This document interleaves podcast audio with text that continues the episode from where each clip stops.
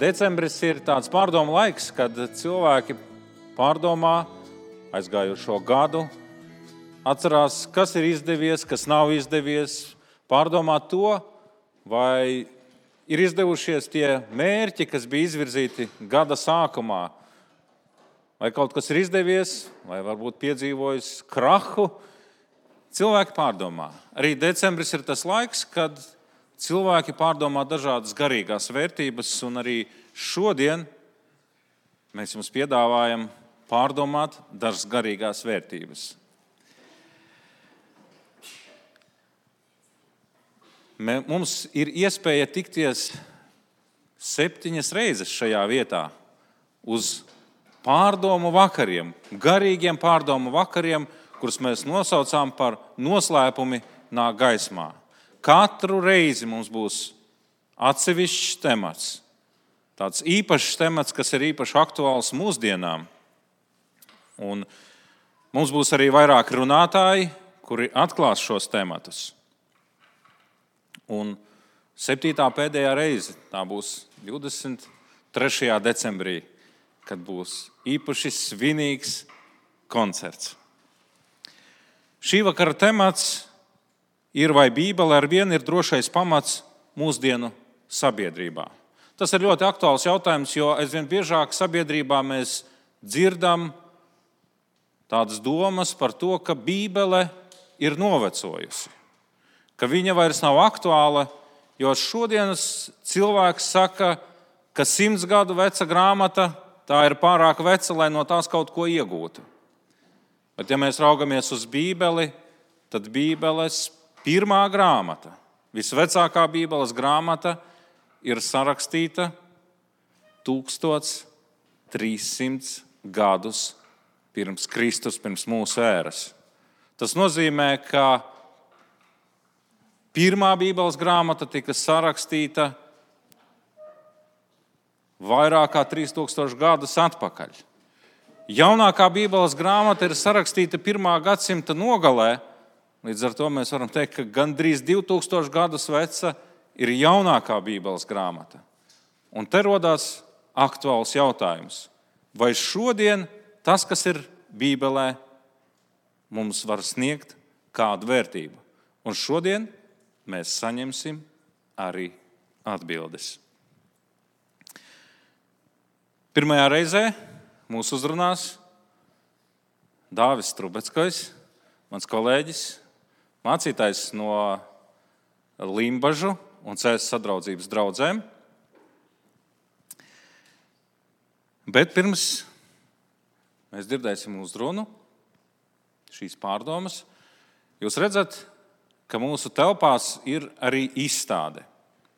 Šī izstāde liecina par Bībelē atrodamo vēsti, un tā ir tāds vēsturisks atskats Un šī izstāde mums uh, rāda par to, kā norisinās politiskās varas, valstu varas sakārtojums no pat 605. gada pirms mūsu ēras līdz pat mūsdienām, un arī vēl tālāk par mūsdienām nākotnē.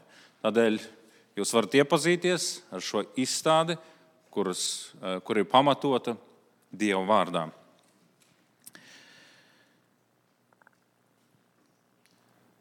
Līdz ar to es aicinu mūsu mūziķus iepriecināt jūs ar muzikālu priekšnesumu, un pēc muzikāla priekšnesuma es aicinu Dāvi līdzdalīt mums šī vakara tematu.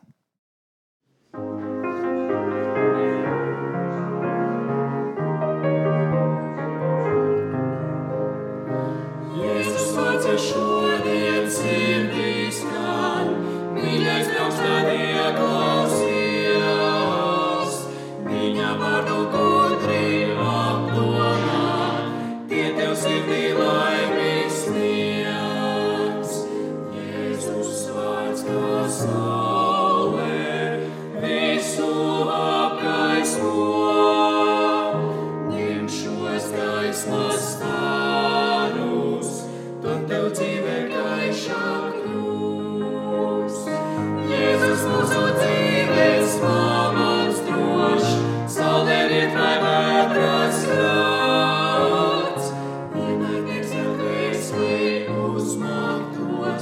Labvakar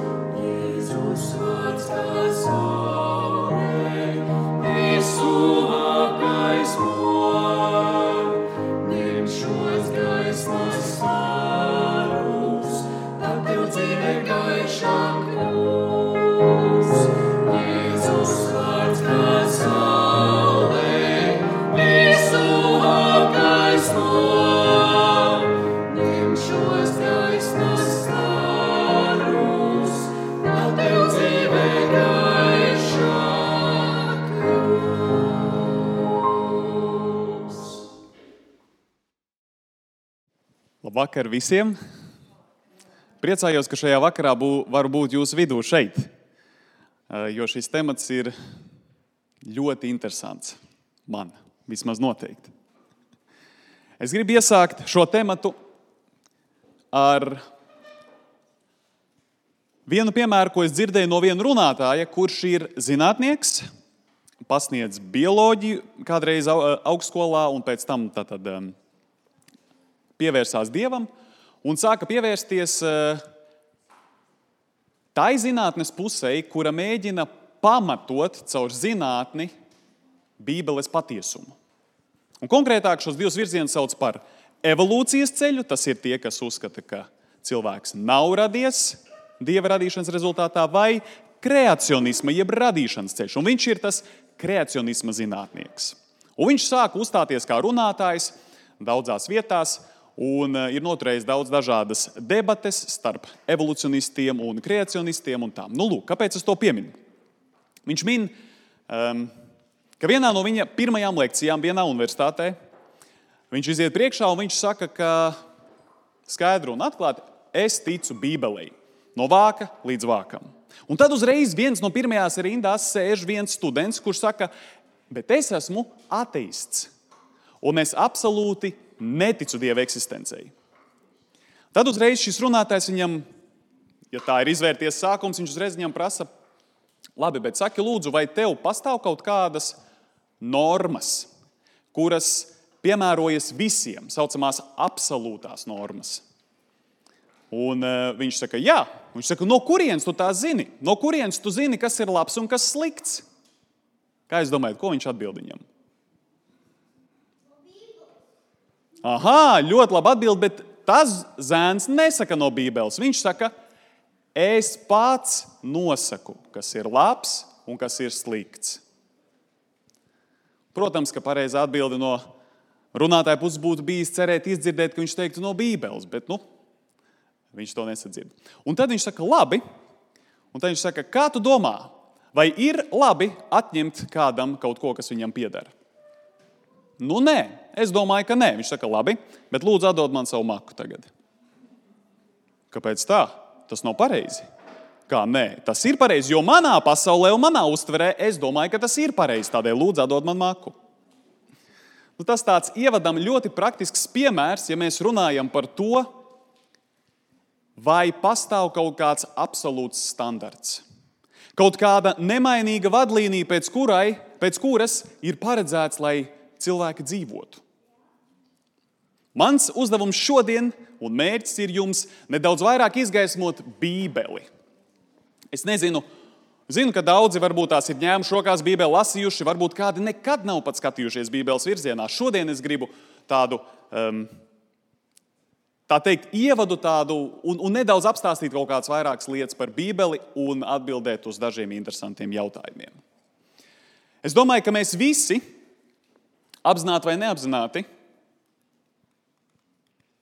mēģinām atbildēt uz vairākiem nopietniem saviem dzīves jautājumiem. Daži no tiem varētu būt, no kurienes es nāku, kas es esmu, kāpēc es te esmu, kā man būtu jādzīvo un kas galu galā notiks pēc nāves. Tie ir nopietni dzīves jautājumi. Un atkarībā no tā, kāds ir jūsu pasaules redzējums, jūs rodat atbildes uz šiem jautājumiem. Šodien es gribu jums prezentēt Bībeli un to, ka viņai var uzticēties. Mans personīgais pasaules redzējums ir tāds, ka es ticu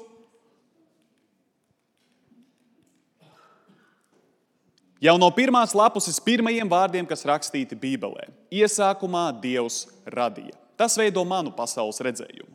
Un no tā izriet visas atbildes uz visiem jautājumiem, kuri izriet. Bet, ziniet, tas nav tikai par to atbildēt šiem jautājumiem. Patiesībā tas, kam mēs ticam, arī parāda to, kāda būs mūsu dzīve. Viens autors, man ļoti patīk šis autors, tāds Aleksis Opārins. Mums ir šāda grāmata Latvijas, pasaules reliģijas un bībele. Varbūt tās kādi viņi ir lasījuši. Jā, aizmugurē pat ir pieejams superīgi. Lūk. Šajā grāmatā autors, ko viņš mēģina panākt? Viņš, sākot, sākot grāmatu līdz pat vairāk nekā pusē, stāsta pasaules tautu gājumu, vai ne? Un sasaista viņu reliģiskos uzskatus ar to valstu ekonomisko attīstību un prezentē ļoti interesantus, uzskatāmus, nenoliedzamus faktus par to, ka patiesībā tautu reliģijai ir milzīga un tieša saikne ar to labklājību, ekonomisko līmeni un morālo standartu.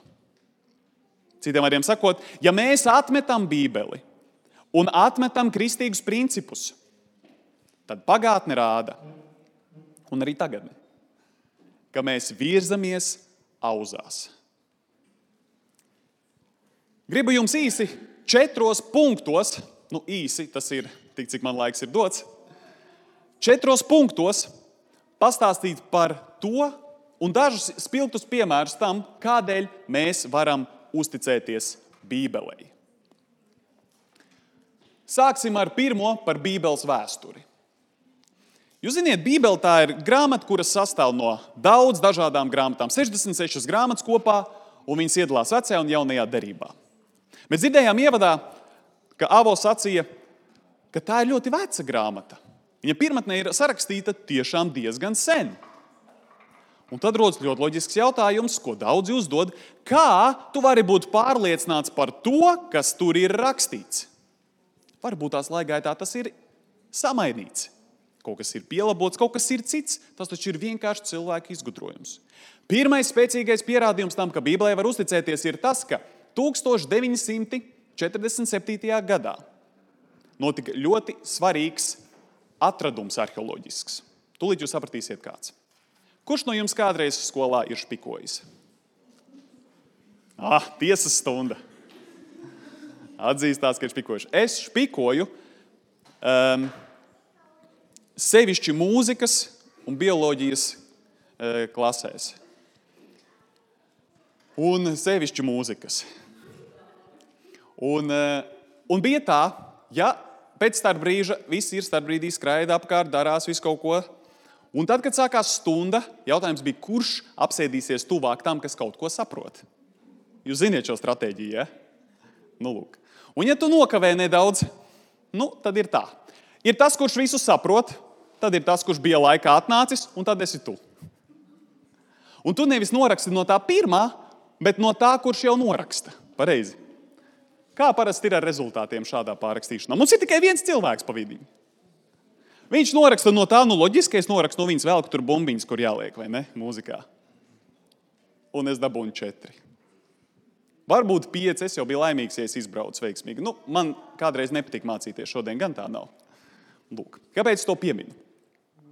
Jūs saprotat, ka tajā mirklī, kad sarakstīja Bībeles tekstu, tas oriģināla papīrīts nekur vairs nav. Nu, viņa pārakstīja, pārakstīja, pārakstīja, nu, jo printeru un kopētāja nebija. Un tā viņš gāja gadu gadsimtiem. Bet mēs redzam, vēsturē, ka bija ļaudis, kas uztvēra to par savu dzīves aicinājumu.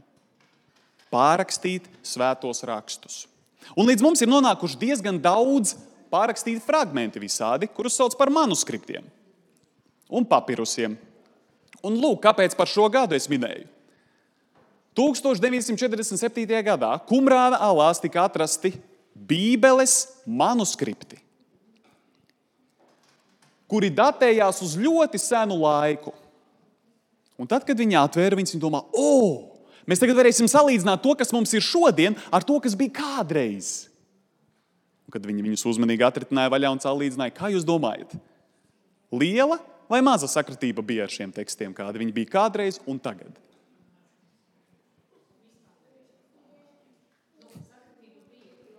Jā, sakritība bija ārkārtīgi liela. Vienīgās kļūdas, nevis kļūdas, bet tas, kas trūka, bija tas, kur papīrs bija izdils un tur vienkārši nevarēja izsakot kaut kādus. Varbūt tās, nu, kā mēs mūsu valodā runātu, punktu, punktus, komats un kaut kādas, varbūt tās garumzīmes un tā. Bet principā pilnīgi saglabājies. Manuprāt, tas ir apbrīnojami. Un tikai Dieva pirksts un klātbūtne tai visā varēja to nodrošināt, lai tas tā būtu. Ar jaunodarību ir ļoti interesanti tāpatās. Jūs zināt, daudz saka, jā, bet uh, kā mēs varam tur zināt, uzticēties, jo lielākais uzbrukums Bībelē ir par to, ka viņa nav uzticama. Ja jūs parunāsiet ar kādu, kurš ir skeptisks pret Bībeli, viņš saka, Bībelē nevar uzticēties. Kāpēc? Jo kā tu vari zināt, ka tur ir rakstīts kas, ko Dievs gribēja? Pat ja Dievs ir un pat ja Viņš gribētu, kā tu vari būt tik drošs? Mēs varam būt droši. Kāds no jums ir lasījis Platona dialogus vai vismaz dzirdējis par tādiem darbiem? Vai vismaz nojauš, kurā virzienā tas ir, kas tas ir? Vai, piemēram, Homēra Iliādas? Tie ir filozofu darbi, kurus filozofijā, ja jūs augstskolā studēsiet, jūs noteikti ar tiem iepazīsieties. Interesanti, ka šie darbi arī ir sarakstīti diezgan sen, nu ne jau vakar. Un arī viņiem tieši tas pats princips. Viņiem ir manuskripti kaut kādi, kas ir pārrakstīti un saglabājušies. Un no tiem mēs iegūstam šodienas tulkojumus. Iedomājieties, Platona dialogiem 263 esošu manuskriptu, tātad saglabājušos pārrakstīto kopiju. Homēra Iliādēm ap 650. Neviens neapšauba šo darbu autentiskumu. Neviens neuzdod jautājumu, vai tiešām tur ir tā, kā bija sākumā. Visi pilnīgi uztver to kā jaunu amenu. Bībelē Bībelē ir kopā 25,000 manuskriptu dažādās valodās. Un tad tur uzdod jautājumu. Jūs zināt, ka savstarpējā manuskripta sakritība ir milzīga. Vēsts ir nodota no paudžu paudzēm. Šis ir pirmais milzīgais punkts, ko es noteikti gribēju pieminēt, un es gribu šajā mirklī citēt no Bībeles, kur rakstīts, zāle nokalst, puķi novīst, bet mūsu Dieva vārds paliek mūžīgi. Abrīnojami, iesim tālāk. Zinātniskā precizitāte. Kā jūs domājat, Bībelē ir kaut kas rakstīts par zinātni? Diezgan interesants lietas. Es tikai dažus piemērus, mums nepietiktu laika, lai mēs visam izbrauktu cauri, bet kaut ko interesantu. 19. gadsimtā dzīvoja tāds Matthew Maurijs. Viņš bija uh, militārs cilvēks, un, un, un viņam bija arī kuģis, piederēja pašam savs un kaut kāda arī padotie. Un, ja sakot, viņš bija slims uz gultas. Un kamēr viņš bija slims uz gultas, viņš lūdza, lai viņam kalpo un lasa no Dieva vārda. Un kamēr viņa lasīja, viņa lasīja no 8. psalma, starp citu, 8. psalms, mēs tam vēl pieskarsimies, ļoti skaists psalms. Bet lūk, viņš guļ gultā un klausās un dzird šādus vārdus. Un zivis jūrā, kas jūras ceļus pārsteigā. Un viņš domā, vai jūrā ir ceļi? Es kuģoju cik ilgi? Kādi ceļi? Un viņš savā sirdī apņēmās, ka, ja Dievs viņu piecels no šīs slimības gultas, viņš ies un meklēs tos jūras ceļus, pa kuriem Bībelē ir sacīts. Uzminiet, nu, ko viņš atrada. Viņš ir mūsdienu okeanogrāfijas pamatlicējs. Zinātnē par okeāniem, šīm kontinentālajām straumēm un to plūšanu. Un tiešām izrādās, ka starp visiem okeāniem pastāv straumes, kuras iet tā kā pa ceļu, un viņas nemainās noteiktā virzienā un konkrēti. Kas ir šeit apbrīnojamais? Ka Bībele ierosināja viņam to atklāt. Vēl kaut kas par ūdeņiem.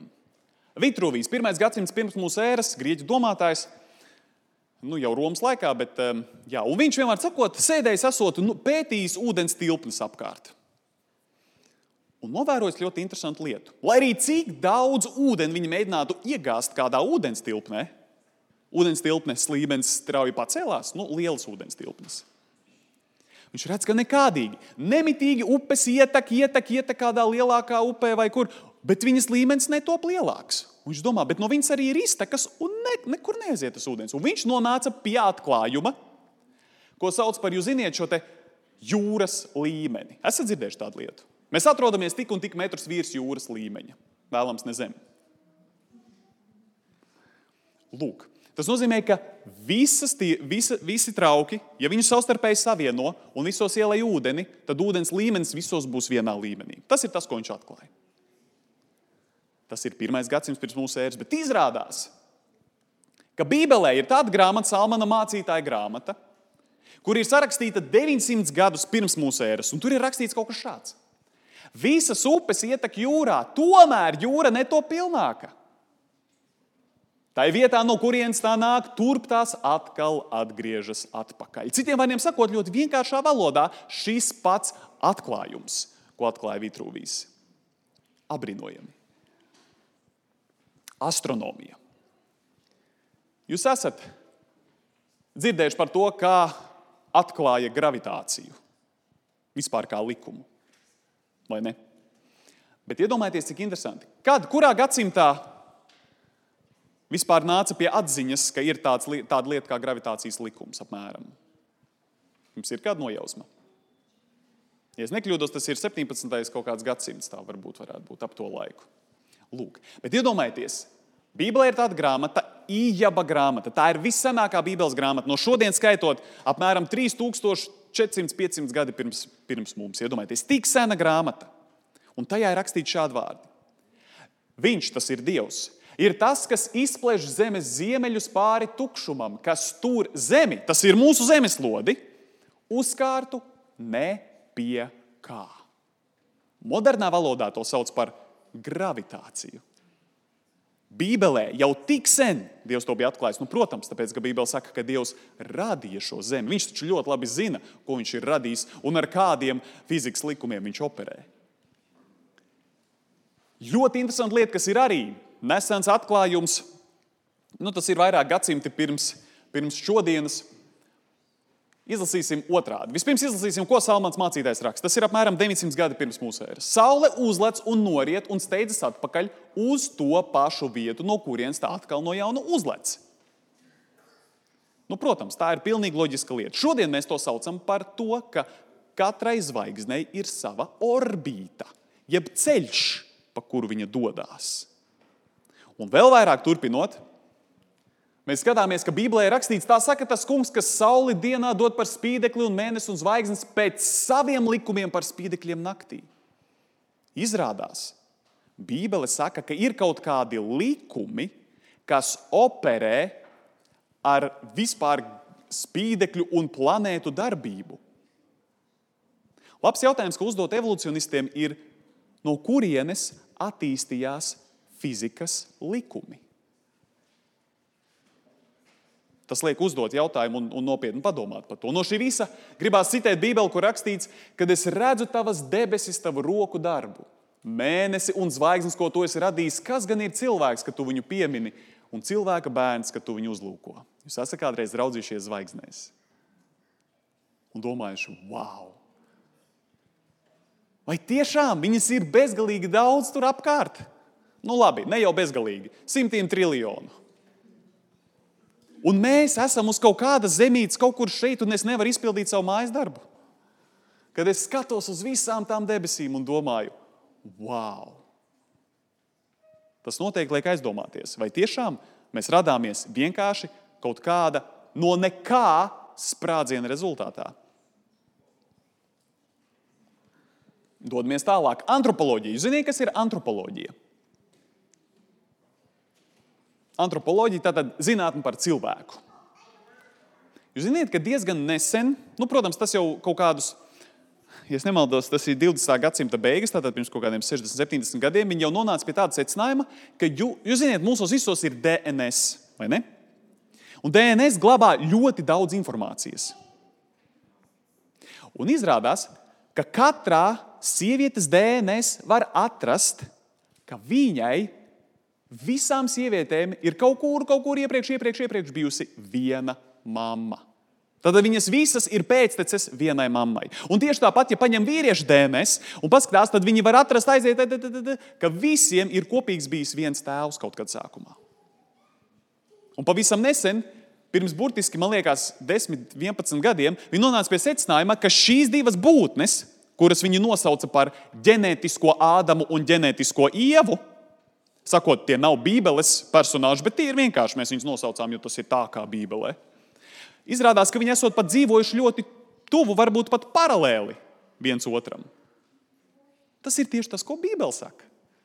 Mēs lasām Bībelē, apstuļu darbu grāmatā, Dievs.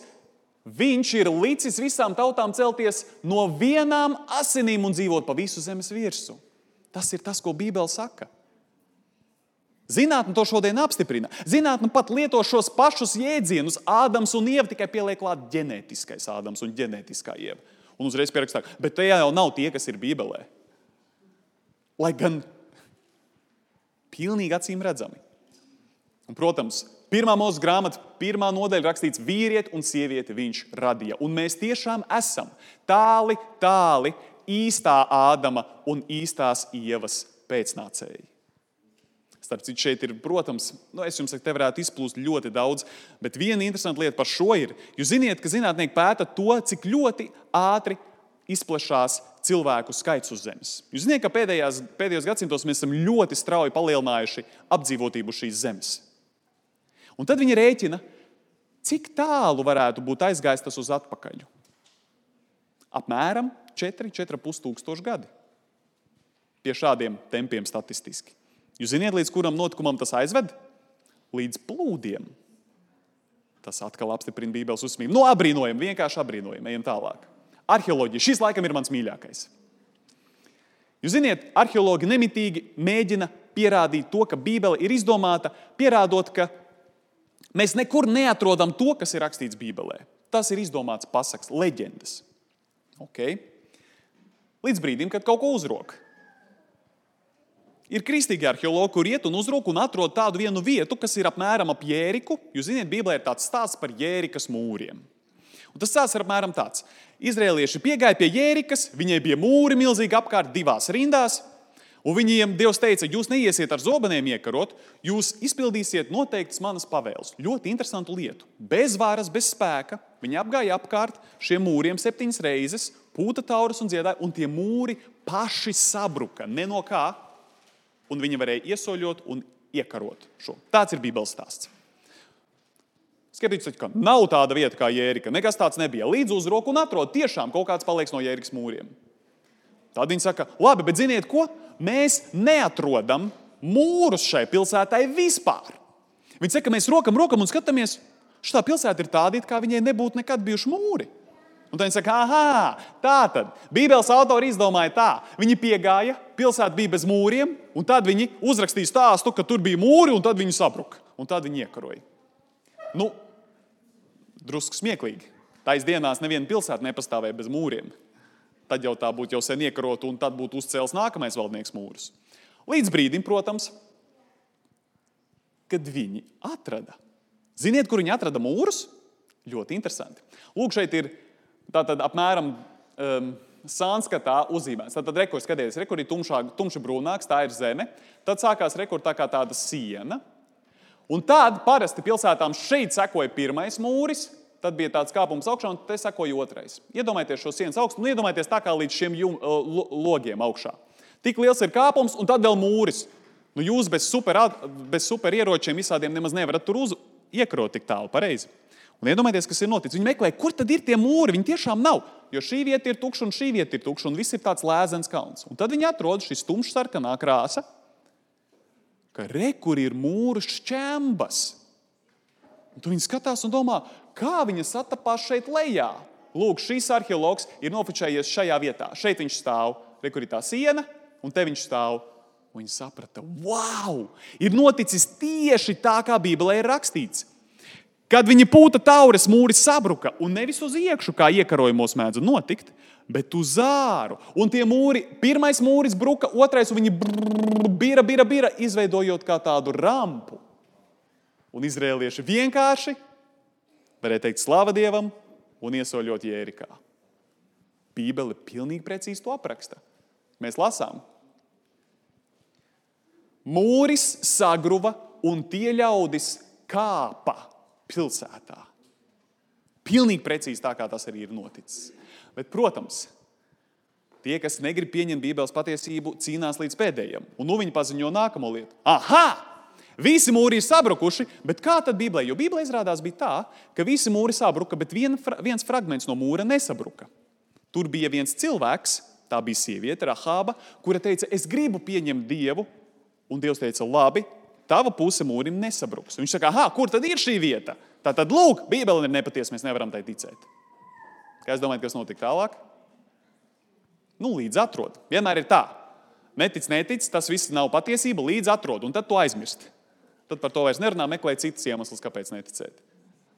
Un tiešām iedomājieties, vēl daudz gadu arheoloģiskie izrakumi apkārt, un viņi atrada vienu porciju mūriem, kuri nebija sabrukuši vispār. Pārdabiskā veidā viss mūrs apkārt sabruka, un viena porcija palika nesabrukusi. Tieši tā, kā Bībelē bija rakstīts. Tas par zinātnisko precizitāti. Pravietojumi. Kurš no jums ir dzirdējis, kas ir pravietojumi? Vienkāršā valodā runājot, pravietojums ir iepriekš paredzējums. Okay? Tik vienkārši. Kaut kas, ko pasaka iepriekš, un tas notiks nākotnē. Un Bībelē teikts tā, ja tas ir īsts pravietojums no Dieva, tad tas noteikti piepildīsies. Ja? Okay. Bībelē ir ļoti daudz pravietojumu. Ļoti daudz. Tiešām ļoti daudz. Es gribu jūs uzmanību pievērst tikai tādiem globālākajiem. Bet vispirms šis. Ir viens pravietojums Bībelē, kurā Dievs atklāja to, kādas pasaules varas valdīs viena pēc otras, sākot ar vis, vis, viskrāšņāko impēriju, ko sauc par zelta impēriju, kas bija Babilonija, līdz pat Jēzus otrajai atnākšanai. Ir tāds pravietojums, jūs iedomājaties, Bībelē rakstīts. Ja kāds nepazīst šo pravietojumu, noteikti iesaku izpētīt. Un šī attīstība šo notikumu ir tik precīza,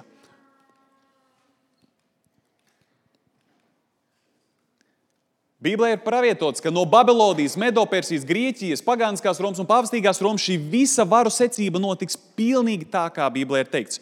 Un tagad es gribu, lai jūs uz mirkli paskatieties apkārt. Jūs redzat šo izstādi, kas jums ir te apkārt. Šī izstāde ir tieši par šo pravietojumu. Tāpēc es vairāk te neizplūdīšu. Okay? Šeit ir šis pats. Tātad bija kaut kas paredzēts iepriekš, kā būs, un tas nākotnē piepildījās ar abrīnojumu precizitāti. Es dažreiz nezinu, ko es nākamajā dienā ēdīšu brokastīs. Pat ja man pasaka, ko es ēdīšu, izrādās beigās kaut kas cits. Pat tik vienkāršās lietās mums ir grūti paredzēt, kur nu vēl simtiem gadu vai pat tūkstošiem pirms notikumiem.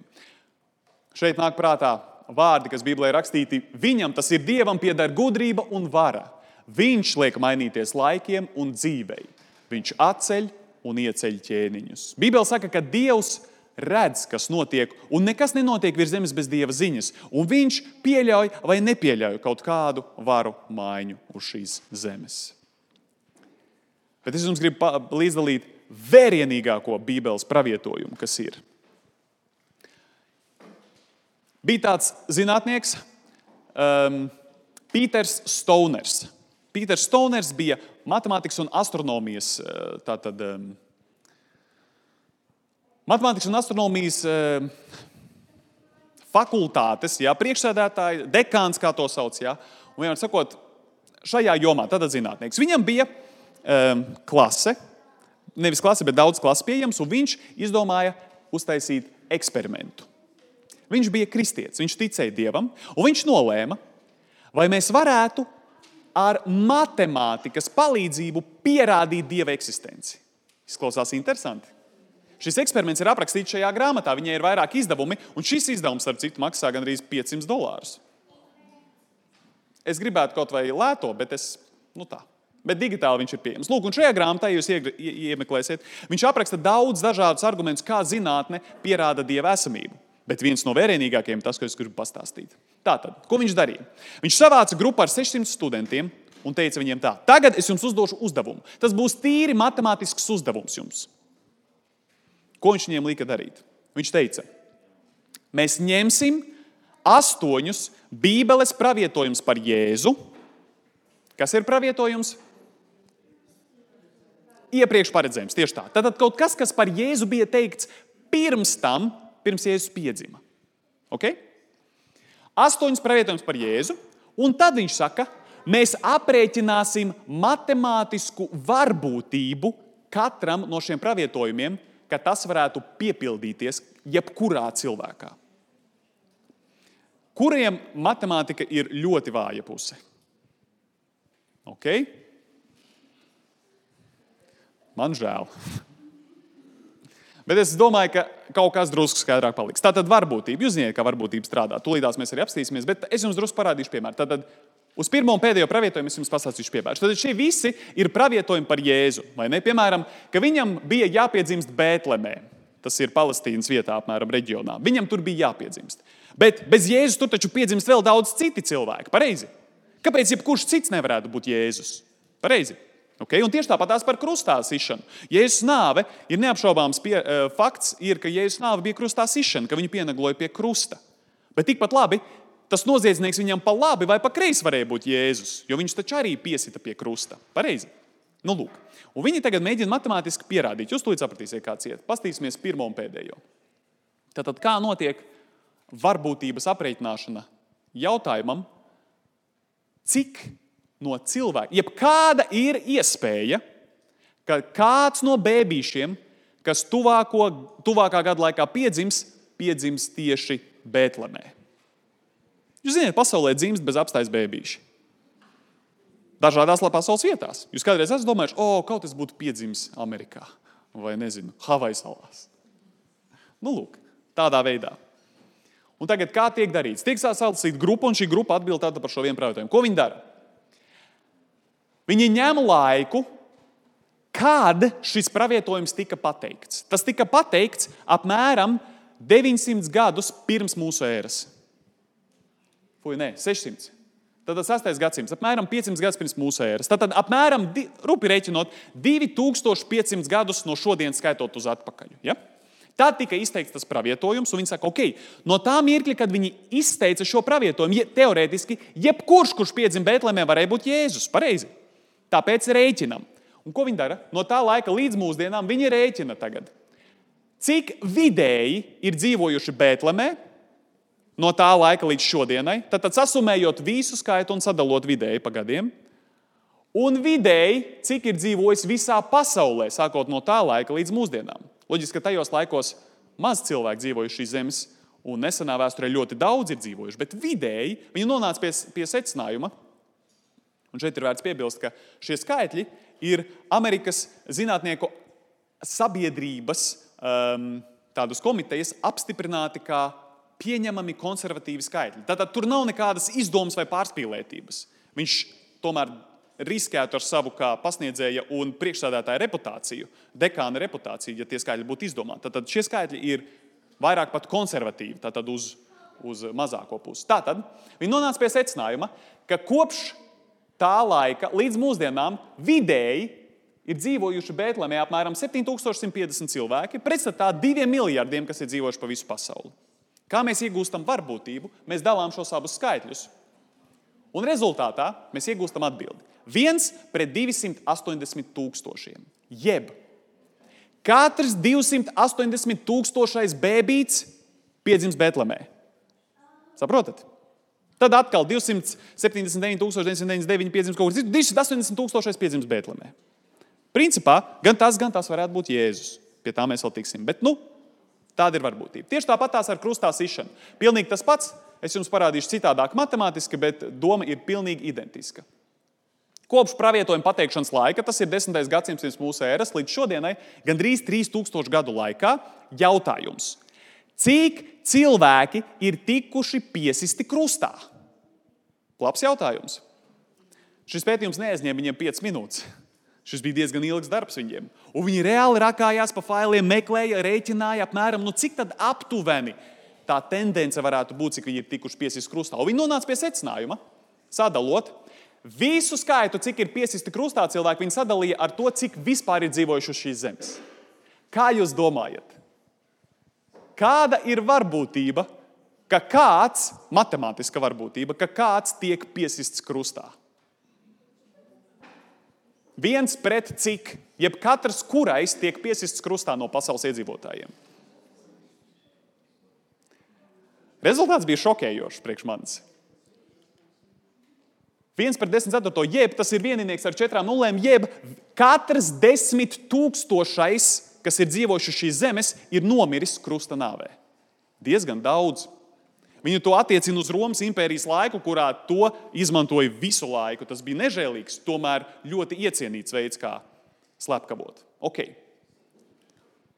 Un tā viņi izdarīja visiem astoņiem pravietojumiem. Redzat? Un šādi vienkārši tas ir pieraksts, lai vienkāršāk, lai jums nebūtu jāraksta pa visu burtnīcu. Tagad ir galvenais jautājums. Mēs esam tikai pusceļā šīm pravietojuma idejai.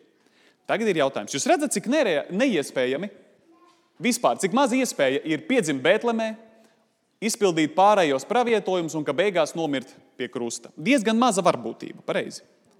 Bet tagad ir jautājums, kāda ir varbūtība, ka visi šie pravietojumi piepildījās vienā cilvēkā. Jūs saprotat, cik tas ir sarežģīti, cik tā ir niecīga iespēja. Tas ir bezmazliet tā. Kurš no jums ir kādreiz paslīdējis uz banāna mizas? Kāpēc smieties? Ir cilvēki, kas salauž kājas. Ok. Kurš no jums, nu, jūs esat kādreiz paslīdējuši? Nu, varbūt kāds no mums, tad viens pret cik, nu, nezinu, tūkstots vienalga. Kurš no jums ir kādreiz gājis un viņam no augšējā stāva kaut kas ir uzkritis uz galvas. Puķu pods, piemēram. Nezinu, laikam, ja būtu uzkritis, nebūtu mūsu vidū. Ne? Un tagad iedomājieties, kāda ir iespēja, ka tam pašam cilvēkam, ejot uz darbu, viņš paslīd uz banāna mīzes un viņam kaut kas uzkrīt uz galvas. Viņš saka, tas ir vispār neiespējams, smieklīgi. Lūk, tāda ir tā ideja šim visam. Kopā mums ir jāiegūst, kāda ir iespēja, ka visi šie pravietojumi piepildās vienā cilvēkā. Kas mums ir matemātiski jādara? Tiem, kam matemātika ir stiprā puse, kas mums ir jādara ar šīm varbūtībām? Savā starpā jāsareizina. Pilnīgi precīzi. Un viņi to arī darīja. Viņi sareizina šīs matemātiskās varbūtības savā starpā un pie, pieraksta izstāsta apmēram šāds. Okay? Tātad 2,8 reizes 10, 28.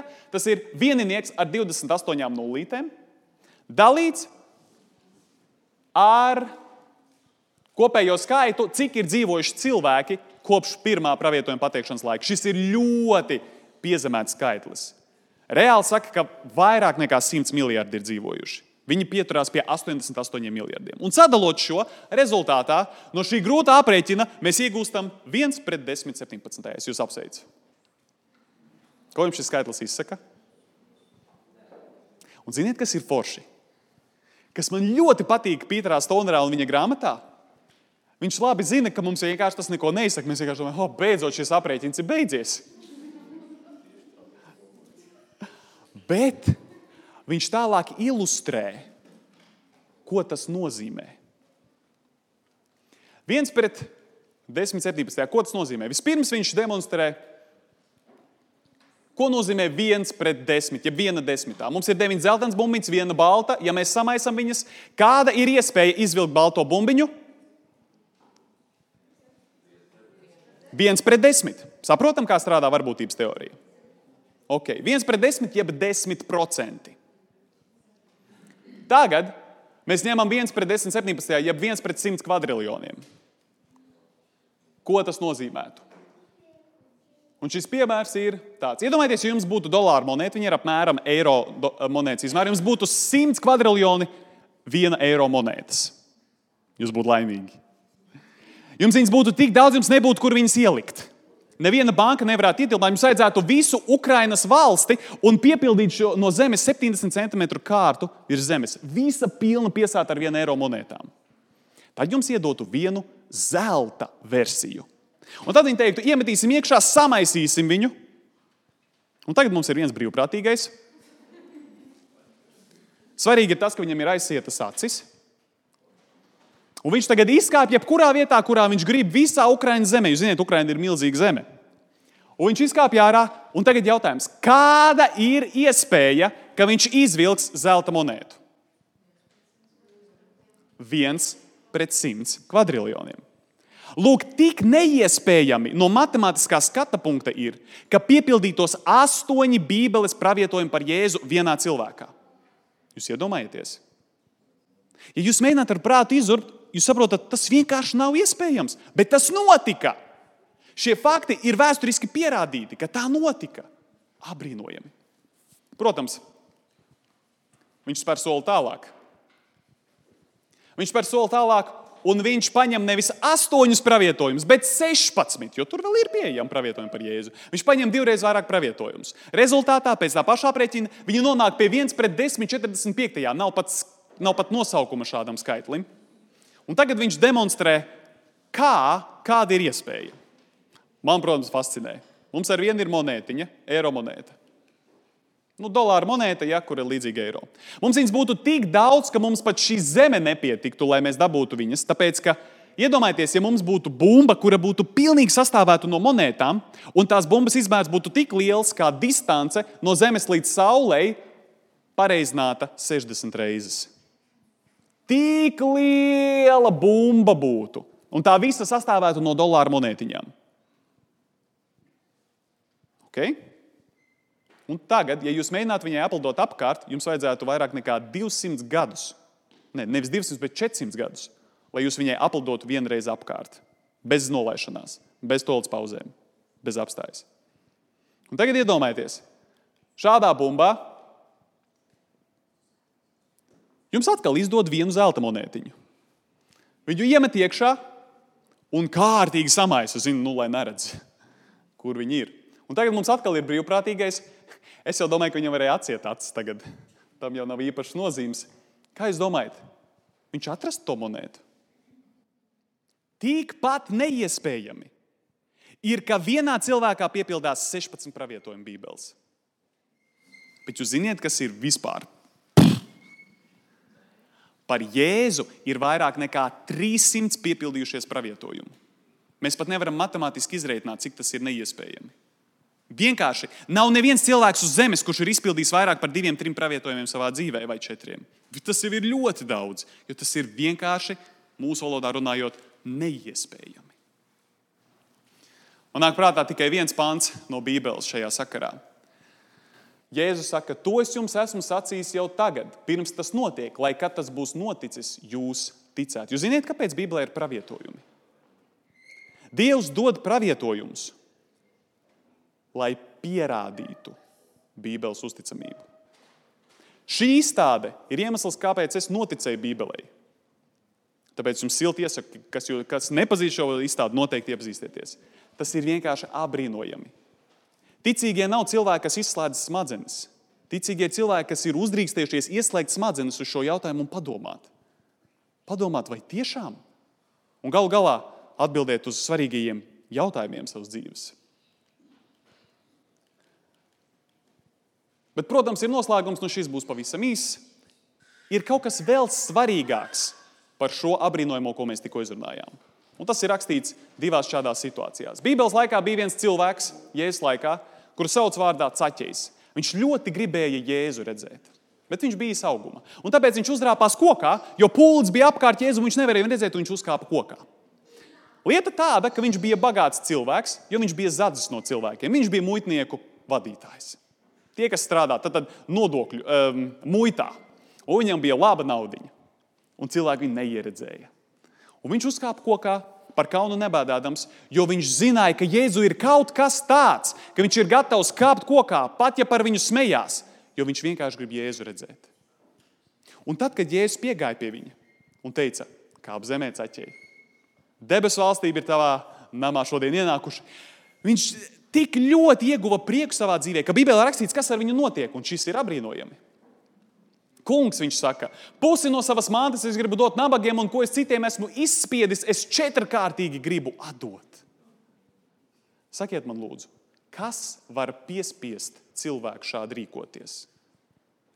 Pat piespiest ir gandrīz neiespējami. Jūs dažreiz nevarat no klases biedra košļienu dabūt. Kur nu vēl, ka viņš četras iedod?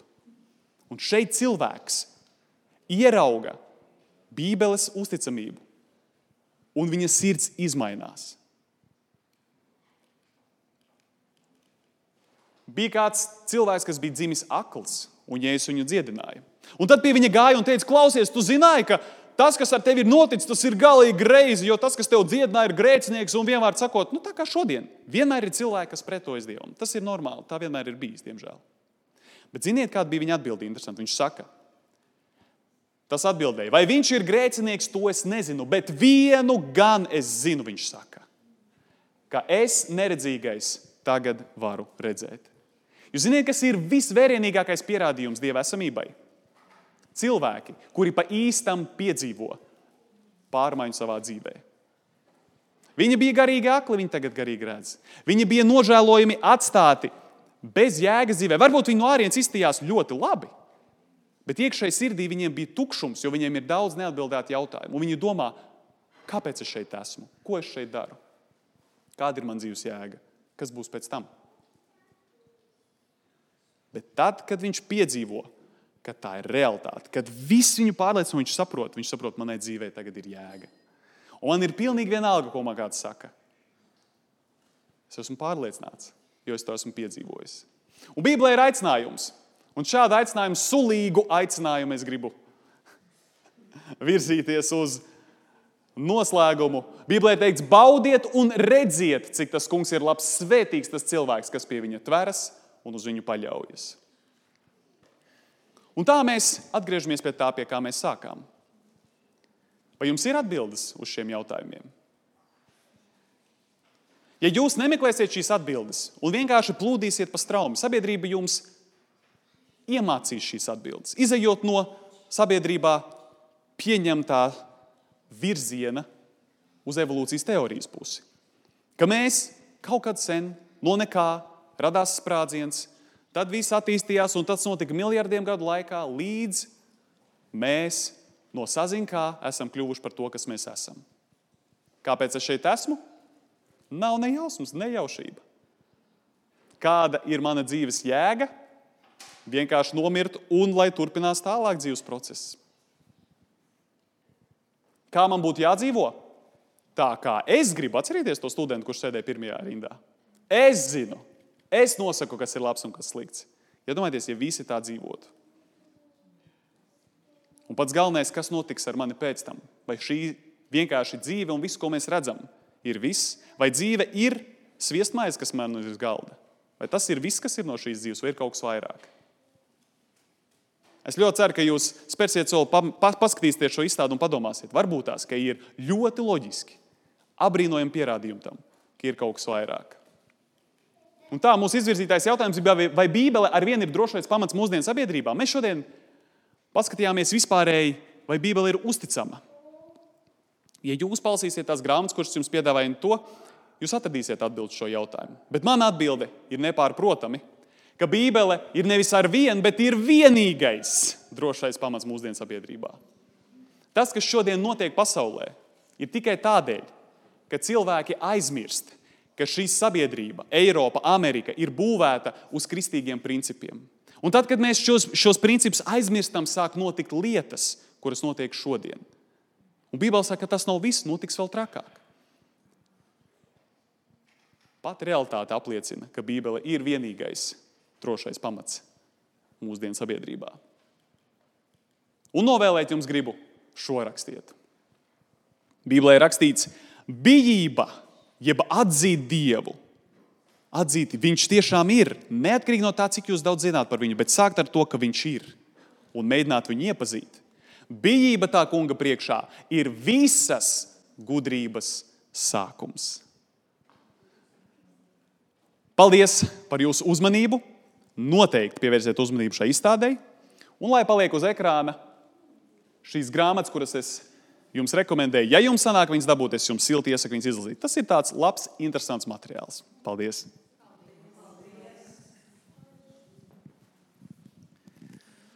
Vai bija interesanti? Es domāju, ka katrs klātesošais uzzināja ne tikai vienu lietu jaunu, bet uzzināja daudz jaunas lietas, atziņas, kas uh, liks pārdomāt, kas šodien notiek mūsdienu sabiedrībā. Ja jūs gribat uzzināt vēl kaut ko jaunu, kaut ko aizraujošu, tad jums ir iespēja. Un nākošā reize būs otrdien, šajā pat laikā, 18.30. Un uh, nākošās tēmas, tas virziens būs tāds ļoti interesants mūsdienu sabiedrībai, tīpaši mūsdienu jauniešiem. Ir uh, par to, par mākslīgo intelektu.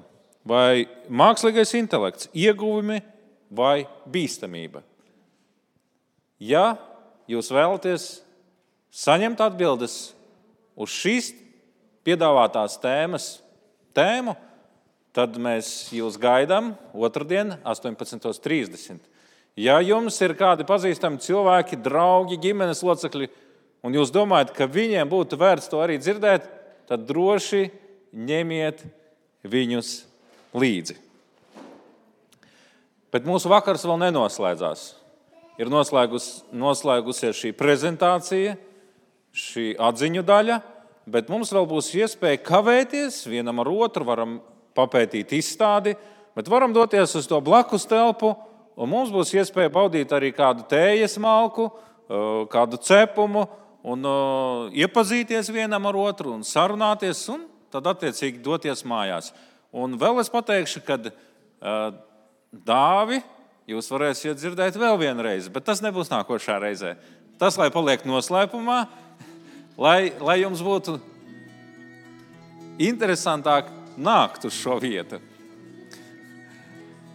Tiekamies otrdien, es ceru.